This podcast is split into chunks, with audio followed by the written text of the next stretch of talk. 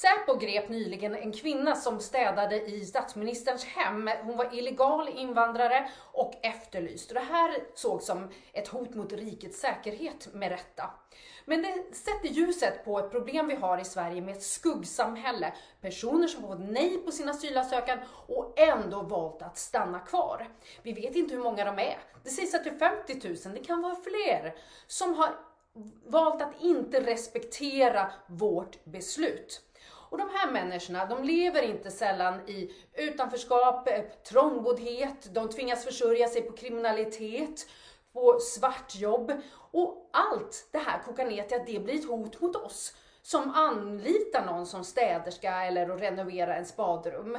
Det blir också en kostnad för oss därför att våra politiker är så generösa att de delar ut välfärd, skola och vård och ekonomiskt bistånd till de som egentligen inte borde vara här.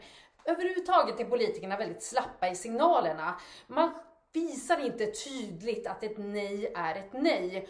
Och som resultat så tror människorna att ja, men om jag bara håller mig kvar lite längre till så kanske det ordnar sig.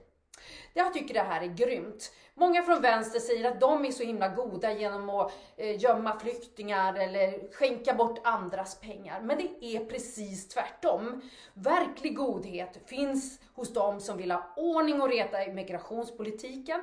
För det skapar både trygghet eh, i varje land och det skapar möjlighet för de som har fått nej på sin asylansökan att bygga sitt liv någon annanstans. Och inte utsätta sina barn för att bo i ett land som de kanske aldrig får stanna i, i osäkra förhållanden. Det är verklig grymhet, medan ordning och reda är det som är lösningen för framtiden.